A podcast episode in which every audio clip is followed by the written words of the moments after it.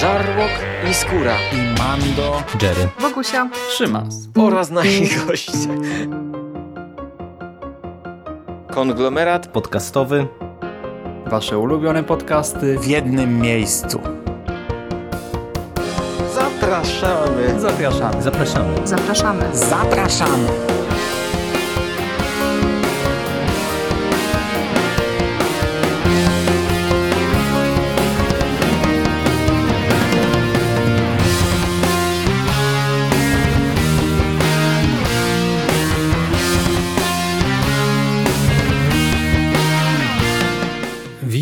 Konglomeracie podcastowym, czyli na platformie, która zbiera wszystkie Wasze ulubione podcasty w jednym miejscu.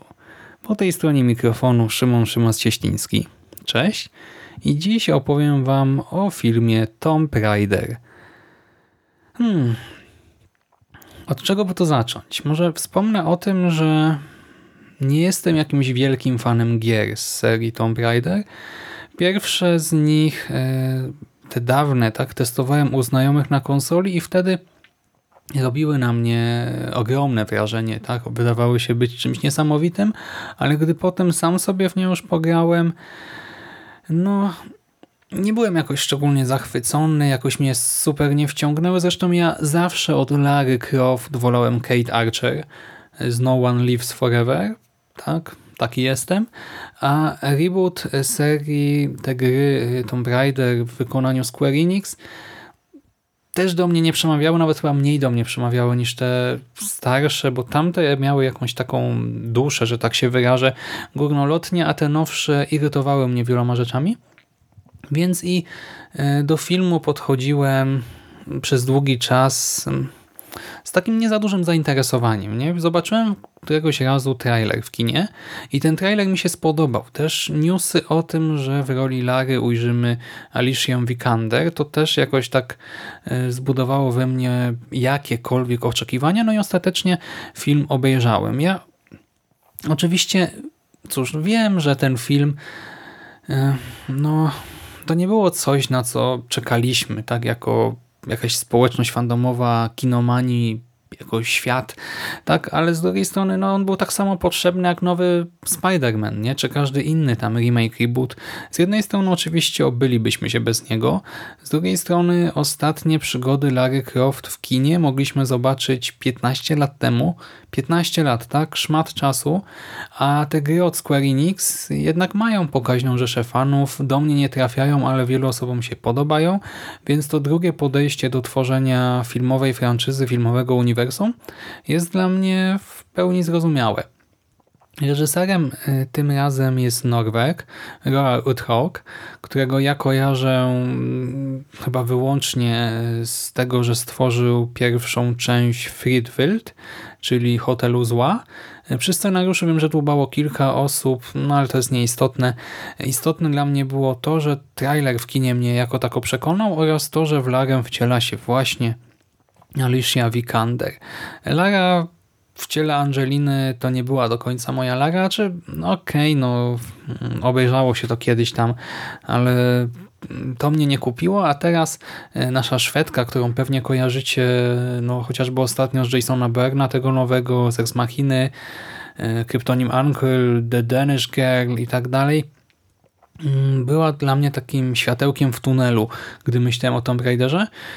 No i w końcu film obejrzałem. Bez większych oczekiwań, ale jednak z pewną nadzieją, zajawiony przez trailer i nakręcony troszkę przez Alicia.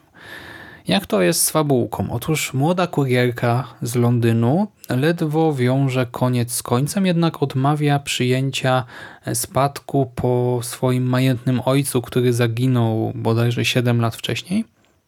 Lara, bo nie oczywiście mowa, nie wierzy zwyczajnie w śmierć rodzica, nie chce się pogodzić z tym faktem, nie akceptuje w ogóle tej teorii i gdy tylko natrafia na trop prowadzący do miejsca, w którym prawdopodobnie tuż przed zaginięciem przebywał jej Rodzic rzuca wszystko oczywiście i wyrusza na tajemniczą, rzekomo niezamieszkaną wyspę, będącą jednocześnie miejscem pochówku pradawnej królowej czarodziejki o pseudonimie Matka Śmierci. Tak to mniej więcej tutaj wygląda. I może właśnie skupmy się na razie na Larze.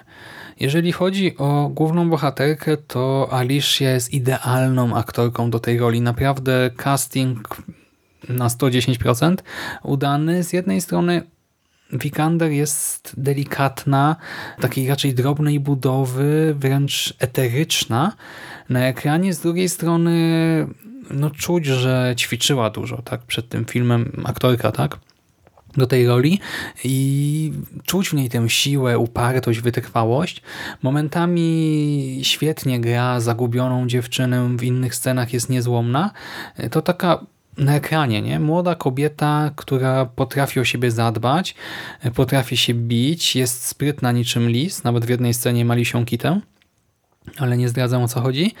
E, dzięki właśnie takiej ekspozycji, którą dostajemy na początek, ona się wydaje troszkę oderwana od filmu, tak się możemy zastanawiać, ale po co są te sceny, ale w gruncie rzeczy to jest bardzo potrzebne, bo dzięki niej, dzięki wprowadzeniu tej Lary, która jednak ma pewien potencjał e, tej takiej siły, woli e, i też siły fizycznej w sobie, nie czujemy tak dużego dysonansu poznawczego, gdy później e, dziewczyna na przykład ściga kieszonkowców, czy gdy w końcu zostaje zmuszona do tej walki o przetrwanie i na przykład do pozbawienia kogoś życia. E, w grze to był spory problem, o czym zresztą wszyscy pisali, tak cały internet o tym trąbił, więc pewnie doskonale o tym wiecie. Tutaj raczej tego nie ma, tak? No przynajmniej ja tego jakoś mocno nie odczułem. Alicia też e, doskonale wygląda na ekranie. I tutaj nie chodzi tylko o urodę, tak, o to, że jest atrakcyjną kobietą, ale o fakt, że w moim odczuciu tak właśnie powinna wyglądać Lara Croft. Bez e, sztucznie wyeksponowanego biustu, e, który cały czas mam przed oczami, gdy myślę o filmie z 2001 roku, tam na plakatach, nie nawet właśnie Angelina była w takiej pozie, żeby ten biust wyeksponować. E, tutaj jeszcze Alicia jako Lara nie wygląda absolutnie na nadczłowieka, na jakąś urodzoną wojowniczkę, amazonkę czy coś takiego. Jej ciało doznaje obrażeń i to takich właśnie typowych. Tak widzimy brud, zadrapania, siniaki i pod tym kątem właśnie Lara wizualnie też wypada bardzo dobrze w tym filmie. Niestety e, to wszystko i talent Vikander no nie zostaje wykorzystane w pełni. Aktorka dwoi się i troi na ekranie. Wiemy, że samodzielnie wykonuje różne numery kaskaderskie. Czujemy w wielu sekwencjach jej wysiłek, jej umęczenie, zaangażowanie, tak, tę wolę walki. I Lara wypada niezwykle autentycznie, chcemy jej kibicować, tylko, no tylko scenariusz całego filmu jest tak miałki, że powiem wam, w moim przypadku uleciał mi z głowy całkowicie już na drugi dzień po seansie. Ja nagrywam ten podcast, nie wiem, 2-3 tygodnie od seansu i tak jak właśnie scenariusz zapomniałem już na drugi dzień i musiałem sobie zrobić notatki, poczytać, obejrzeć trailer, przypomnieć różne rzeczy. Tak do teraz mam przed oczami różne sekwencje e, z Larą, no ale wiecie, no chyba nie tak to powinno wyglądać. I no właśnie, my tutaj otrzymujemy, jeżeli chodzi o fabułę, naprawdę byle jaki e, film akcji, tak przygodowy film akcji z takim przewidywalnym finałem i strasznie długą zapowiedzią sequela, co też jest irytujące, bo to jest zapowiedź sequela, który ja osobiście nie szczególnie mam ochotę oglądać, że jeżeli zmienią się scenarzyści, a Alicia będzie chciała ciągnąć tę rolę, no to wiadomo, nadrobi się, tak, ale nie w kinie, a przy tych scenarzystach, którzy tutaj pracowali nad filmem, to ja chyba w ogóle tego nie obejrzę, bo naprawdę zawiodłem się strasznie. Cała akcja na wyspie jest schematyczna do bólu. Postacie męskie, takie istotne jak ojciec Larry, czyli Richard Croft, czy główny antagonista Matthias Fogel są nijakie, są napisane tak byle jak no Fogel, wiadomo, taki trochę kurc, e, ten ojciec to w ogóle jest tutaj jakoś tak dziwacznie wprowadzone, tak w ogóle nie czuć emocji, mam wrażenie, w tych scenach. Z nim mamy masę też flashbacków, co jest takie nieszczególnie filmowe tutaj, jakoś też um, nieumiejętnie wprowadzone.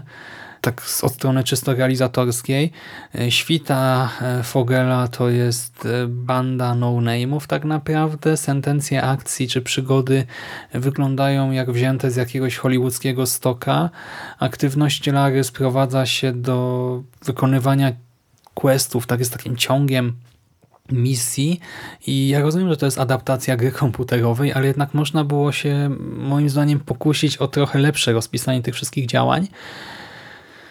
I ostatecznie, tak jak mówię, ja jestem zawiedziony. Film miał potencjał. To jest najbardziej wkurzające tutaj, bo nie wiem, są takie adaptacje gier, które mnie od początku nie kręcą, gdy potem się okazuje, że właśnie wypadły byle jak, to ani mnie to ziębi, ani mnie to parzy. A tutaj widzę potencjał, powiem więcej nawet, nie tylko potencjał, ale ambicje, aspiracje. Ja tutaj bardzo poważnie o tym wszystkim mówię, to nie są jakieś moje żarty, bo w czym to widzę? Oprócz samej Vikander, ta, która naprawdę jest świetna, e, słuchajcie, no zrezygnowano z nadmiaru CGI. Mamy tutaj sporo efektów praktycznych, e, naturalizmu. Widać właśnie, że aktorka się strasznie stara w tych scenach kaskaderskich i Alicia jest naprawdę no cudowna tutaj na ekranie i mam wrażenie, że twórcy chcieli nam dać blockbustera z sercem, z duszą, ale ta historia jest tak pretekstowa, tak pretekstowa, że głowa mała. A e, fakt, że się trochę bardziej starano i że Alicia wypada tak dobrze e, i w ogóle no to, to, to jeszcze bardziej wkurza pod koniec seansu, bo widzimy te fajne, ładne, atrakcyjne elementy w zupełnie niesprawnej, byle jakiej maszynce do robienia pieniędzy. I właśnie to, co jest dobre, podkreśla jeszcze bardziej miałkość całej produkcji. Film ma aktualnie 48 punktów Metascore, w oparciu o 53 recenzje mówię o tym eksperckim Metascore. I dla mnie to jest właśnie taka, takie 5 na 10. To nie jest tak, że film jest zły, ale jest nijaki, jeżeli chodzi o fabułę, o historię, o tę przygodę, która miała nas porwać. I niestety samo aktorstwo tutaj, czy te różne starania, o których wspomniałem, czy nawet niezłe miejscówki, scenerie, chociaż z drugiej strony nie wyróżniające się jakoś też specjalnie, no to tego filmu absolutnie nie ratuje. I to nie jest tak, że ja go wam jakoś super odradzam, ale też absolutnie nie polecam. Dla mnie coś totalnie do zapomnienia, właściwie to zapomniałem, no ja to dosłownie zapomniałem dzień po seansie. Smutne, ale tak było. To wszystko ode mnie na dzisiaj. Trzymajcie się ciepło i do usłyszenia następnym razem. Cześć.